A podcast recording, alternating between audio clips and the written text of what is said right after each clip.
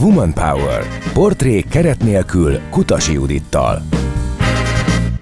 Hogyan mondjunk nemet ez a mai témánk a Vezes Könnyedén sorozatban itt a Woman Power van, vendégem pedig Báhidi Brigitta Leadership Coach. Szervusz Brigi, örülök, hogy itt vagy. Szia Judit, én is. Na hát akkor tanuljunk meg nemet mondani, mert hogy szerintem a legtöbb embernek ezzel van problémája, mert annyira egyszerű lenne azt mondani, nem, most nem, majd később, vagy még nem. Tehát bármit mondhatnánk. Mégis ez a fránya nem ez azért, hogy mindig ott van, és valamit ott a hátsó agyunkban, valami miatt ezt nem merjük, nem tudjuk, nem akarjuk megtenni. És ezt te jobban tudod, hogy melyik milyen százalékban hogyan. Miért ilyen nehéz nemet mondani? Fú, ez nagyon jó kérdés. Erre lehet, hogy kéne hívnunk még valakit, aki meg tudja mondani.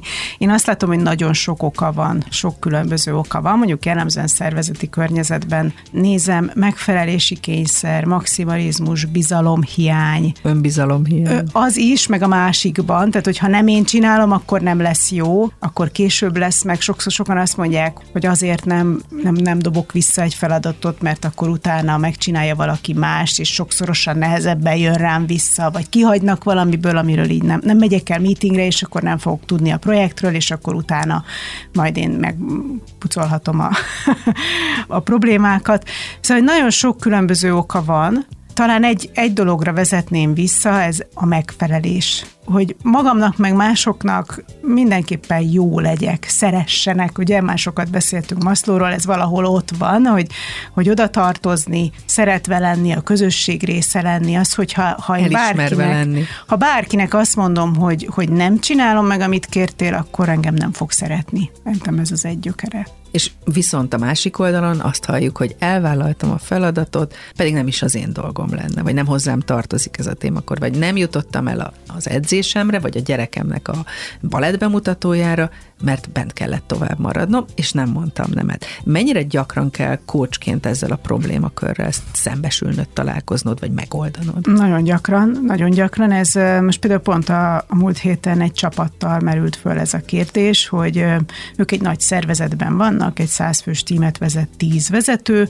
és hát ugye nagy szervezetben ott egy pókáló közepén, tehát hogy ők nem, nem, nem egy ilyen önálló entitás, hogy azt csinálnak, amit akarnak, hanem, hanem a cég stratégia, a társterület, a hát nagyon sok mindenki mozgatja őket, és itt konkrétan több mint egy órát beszélgettünk erről, hogy ő nekik hogy kellene ezt jobban kimozogni, meg gyakoroltunk is egy csomót, mert ez egy idő után már akkor is nehéz, hogyha észreveszed, hogy most erre egyébként nemet kellett volna mondani, mert mondjuk már sokszor előfordult, hogy utána úgy lett belőle. Ugye ez egy tipikus helyzet, hogy tegnapra csinálj meg valamit, majd utána egy hónap múlva se használja azt senki semmire, és mondjuk ezt egy szervezetbe sokszor megtapasztalod, akkor egy idő megtanulod, hogy ennek valójában nincsen tétje, de mégis az a bizonyos megfelelésig, hogy mi van, hogyha most az egyszer meg tényleg kelleni fog, és akkor inkább nem megyek el edzésre, csak legyen meg az az anyag. És milyen szinten, vagy akár milyen vezetői szinten jelenik meg ez a dilemma leggyakrabban? Minél följebb megyünk, annál egyszerűbb, ugye azért is, mert aki már oda följutott, az már nagyon sokszor mondott nemet, tehát van egy gyakorlata. Azt gondolom, hogy, hogy enélkül, tehát hiába, egy kicsit paradoxon hangzik, de amíg nem tudsz vezetőként nemet mondani, addig nem vagy alkalmas arra, hogy följebbi vezetői szintre lépj. Pusztán azért, mert a nemet mondás az azt is jelenti, hogy megvan a fókuszod tudod, hogy mi az, amivel te tudsz a legjobban foglalkozni, meg a te csapatod, most itt ezt így egybeértem, és tudod, hogy mi az, ami, ami már máshol jobb helyen van, vagy másoknak több kompetencia van, állja van hozzá, és töltesz azzal energiát, meg figyelmet, hogy lecsupaszítsd a feladatodat, és nemet mondj azokra a dolgokra, amik nem a te kor kompetenciád, a te fő feladatköröd. Tehát, hogyha van egy ilyesfajta fókuszod, alá tudod rendelni, vagy nem is alá rendelni, meg tudod felel feleltetni a tevékenységeidet a céges céloknak, hogy azok hogyan szolgálják, akkor tudsz alkalmassá válni arra, hogy, hogy följebbi szintekre lépj. Tehát ahol ez a, a legégetőbben, meg ahol először jelentkezik, az, az ugye egy viszonylag alacsony vezetői szint, egy ilyen operatív vezetői szint, ahol a legelső problémaként az jelentkezik, amikor mondjuk egy, ugye már beszélgettünk szakértőből lett vezetőről, amikor kineveznek valakit így a csapatból a többiek élére, és akkor elkezd vezetői feladata is lenni, már mint people leader feladata, tehát hogy az emberekért is felel, de még megvannak az operatív feladatai is. És ezt, ugye ezt, ezt is mondtuk már egyszer, hogy nagyjából ilyen 80-20 százalékos arányjal indul a dolog, hogy még nem kell annyit az emberekkel foglalkozni, nem tudom, 20 százalék körül, de mégiscsak kell.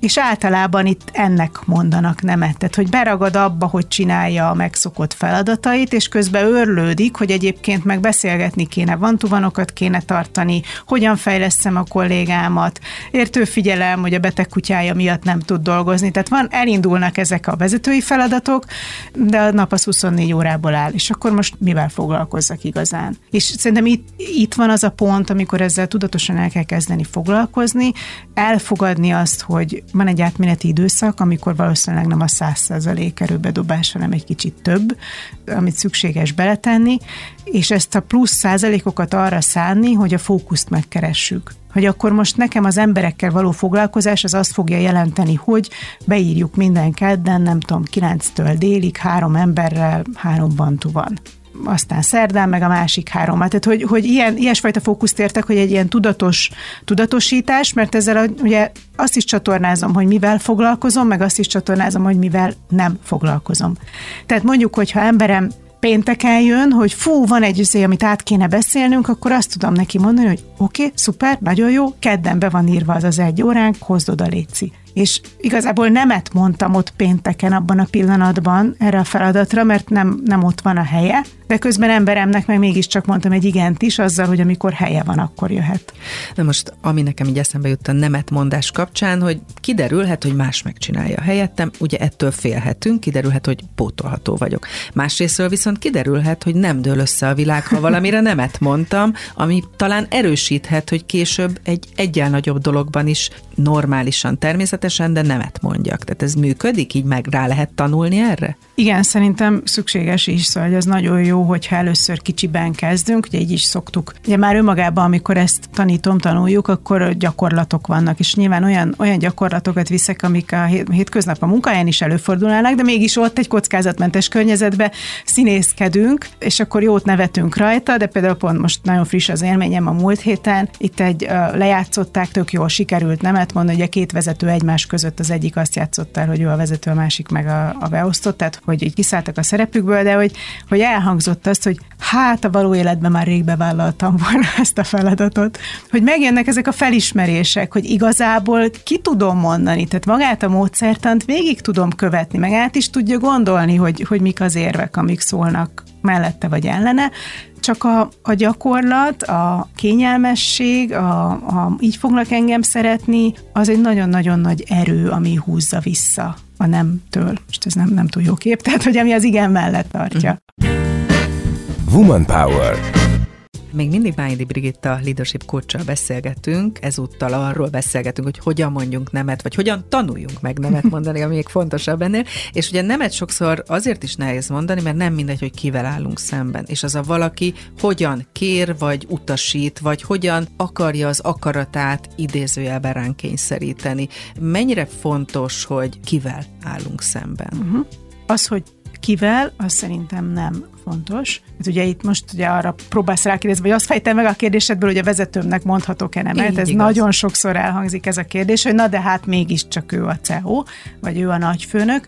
Azt gondolom, hogy ha minket azért tettek oda, hogy a ránk bizott erőforrásokkal, emberekkel a meglévő célokat a leghatékonyabban lássuk el, akkor az is kutya kötelességünk, hogy megmutassuk, hogy ez a bizonyos tevékenység nem szolgálja, hogy ez a cél megvalósuljon. Nem lesz hatékony, nem abba az irányba visz, nem most van itt az ideje, mit tudom én, ezt színezhetjük. Tehát, hogy másik oldalról is megnézzük, hogy, hogy nekem közben embernek lenne jó maradnom, van egy családom, van egy magánéletem, tehát arra is mondhatok nemet, ami a munkaszerződéssel szembe megy, mondjuk, hogy mit tudom én, hétvégén nekem nem kell dolgoznom, vagy ha előre kikértem a szabimat, és fél éve jobbá volt hagyva, akkor ne hívjanak föl engem közbe, hogy de még azt mindenképp nézzem meg, és csináljam meg. Hát csak egy óra belépni a gépbe. Hát igen, mert ez a minősített esete a nemetmondásnak, vagy a határátlépésnek talán, amikor valaki betegen kell, hogy dolgozzon, vagy hogyha a szabadsága alatt kell, hogy dolgozzon. Igen. És ezt meg kell értenie annak, aki benne van, és helyre kell tenni saját magában, hogy meddig tart az ő feladata, felelőssége, és mikor kell neki ténylegesen egy akár egy nagyobb cél érdekében most nemet mondani. Igen. Ugye ezt úgy szoktam megfogalmazni, hogy egy adott pillanatban egy dolgot tudunk csinálni. Tehát mi most itt beszélgetünk, éppen erről a témáról. Ugye nem beszélgetünk egy másik témáról, nem kávézgatunk a barátnőinkkel, nem mentünk el futni, nem dolgozunk egy Excel táblán, tehát hogy ebben az adott pillanatban csak ezt csináljuk. És ez minden egyes adott pillanatra elmondható, hogy egy dolgot fogsz tudni, a multitasking olyan nincs, ezt, ezt most így zárójelben mondjuk ki, tehát egy dolgot fogsz tudni csinálni azzal, hogy igent mondasz egy kérdésre, azzal minden másra nemet mondasz. És akkor most megnézhetjük, hogy mire szoktál nemet mondani olyankor, mondjuk nem tudom, amikor bevállalod, hogy még ötkor megnézed azt a, nem tudom, műsor struktúrát, hogy az jó lesz-e úgy, amit, amit javasolnak a kollégák, akkor ötkor éppen, nem tudom, nem számoltad meg a beszédarányt a műsorban. Persze, Tehát a, a saját feladataidat is, is átrendezed, de ha megyek tovább, mondjuk, hogy ötkor már akár mehetnél edzésre is, vagy és akkor nem mentél el edzésre, vagy mondjuk a, gyere, a később mész el edzésre, de akkor emiatt meg a gyerekeddel nem írod otthon a leckét, vagy megírod vele a leckét, de addigra már olyan késő van, hogy azt mondod, hogy úgy cicuka, tudom, hogy azt mondtuk, hogy majd mesét is olvasunk, de azt akkor majd, akkor majd holnap majd olvasunk. Sérül.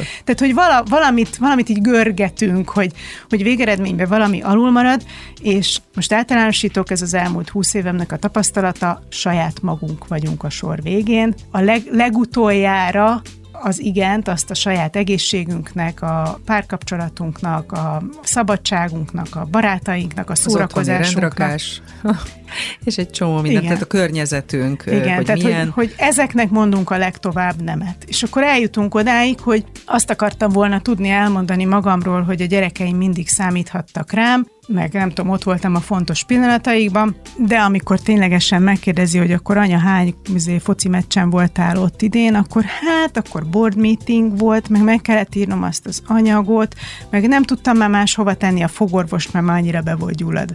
Szóval érted, hogy, hogy így a, a nap végén általában saját magunknak mondunk nemet. És szerintem ez a hatalmas nagy probléma, hogy akkor, amikor csak egy olyan, nem tudom, egy félórás feladatnak tűnik, és hát sokkal egyszerűbb még ent mondani rá, meg mire elmagyarázom másoknak, meg akkor mi lesz, hogyha csúszik, meg tehát egy csomó kérdést fel tudunk tenni, ami miatt indokolt igent mondani, de hogyha arra a félórásra nem mondok nemet, akkor önmagunk szeretetére mondunk Pontosan. Nemet, ha jól Pontos. értem. Hát így nyilván egy csomó áttételen Persze. keresztül, de igen. de igen, tehát a nap végén általában ebből vannak a, a kiégések, az életközépi válságok, és akkor még nem is mentünk el oda, hogy a daganatos betegség, az agyvérzés és, és a többi, ami nagyon sok túlvállaló menedzsernél a 40-50 éves kor körül elkezd gyűlni. És ugye te magad említetted, hogy mi van, hogyha a főnökünknek mondunk nemet, vagy nem mondunk nemet, vagy hogyan tanuljuk ezt meg, de ugye előfordulhat, hogy az alkalmazottainknak, vagy az ügyfeleinknek kellene nemet mondani, és ez ugyanúgy probléma. Igen.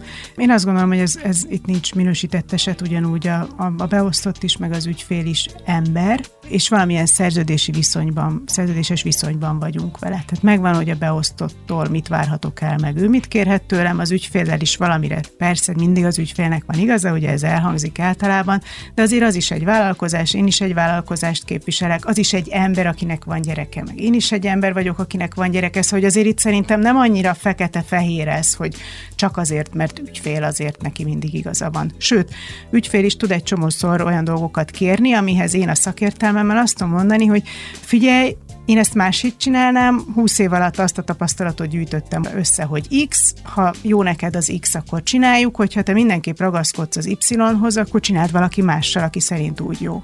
Hogyha sikerül elhatároznom, hogy nemet Igen. mondok, és meg is teszem, hogyan lehet ezt a másik fél tudomására hoznom úgy, hogy az ő jogait közben ne sértsem meg?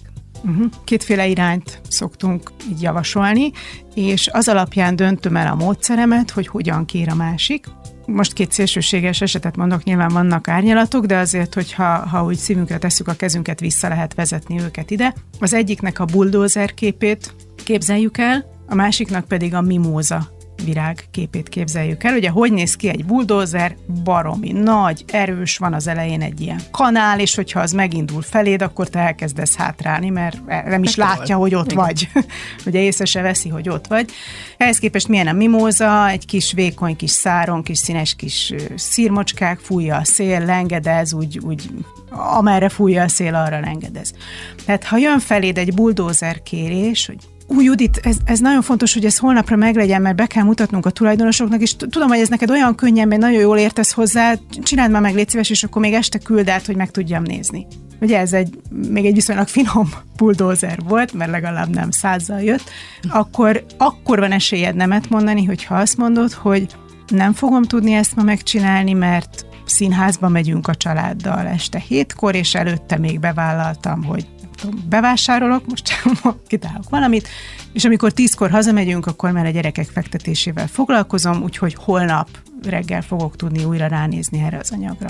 Tehát a, a feléd érkező buldózer kanállal szembe odarakod a te buldózer kanalodat, hogy nem fogom tudni ezt most megcsinálni. Ehhez képest, hogyha jön egy mimóza, és azt mondja, hogy ó, tudom, hogy mondtad, hogy színházba mentek, és hát nagyon kellemetlen ezt nekem így kérni, de ugye holnap reggel kéne odaadni a ezt a prezit, és hát tudod, hogy nélküled nem tudom megcsinálni, és fú, figyelj, valahogy találjuk már ki, hogy létszi. Szóval, ha jön egy ilyen arra hajlik, amerre a szélfúj dolog, akkor ezzel, ezzel szembe te se állhatsz oda buldózerként, mert az nagy valószínűséggel már a kapcsolatot rombolná kettőtök között, tehát akkor te is finoman mondod, hogy igen, jól emlékszel, tényleg a színházról beszéltünk, és képzeld el előtte meg még a bevásárlást is beterveztem, utána meg a gyerekeknek az esti processz az, az szent. De felkerek egy órával hamarabb mondjuk. Pontosan ajánlasz egy... Keresek ajánl... egy alternatívát. Így van. És önmagadtól ajánlod megtalálod azt az alternatívát, meg elismered, hogy neki problémája van, de mégiscsak nem az elejére rakod a nemet, hanem, hanem a végére is egy, egy igen, egy másfajta igen formájában. És ugye ez a, ez a mimóza módszertan az, ami most ez persze egy zárójel, de hogy a gyerekekkel is ezt használjuk a 10-12 éves kor alatt, hogy lehessen egy megértésük abban, hogy, hogy miért, miért van nem a sor végén. Szerintem hamarosan zárnunk kell a beszélgetést, de egy nagyon fontos kérdés, hogy milyen vezetői léthez vezethet el, ha nem tanulunk meg nemet mondani, és ha igen.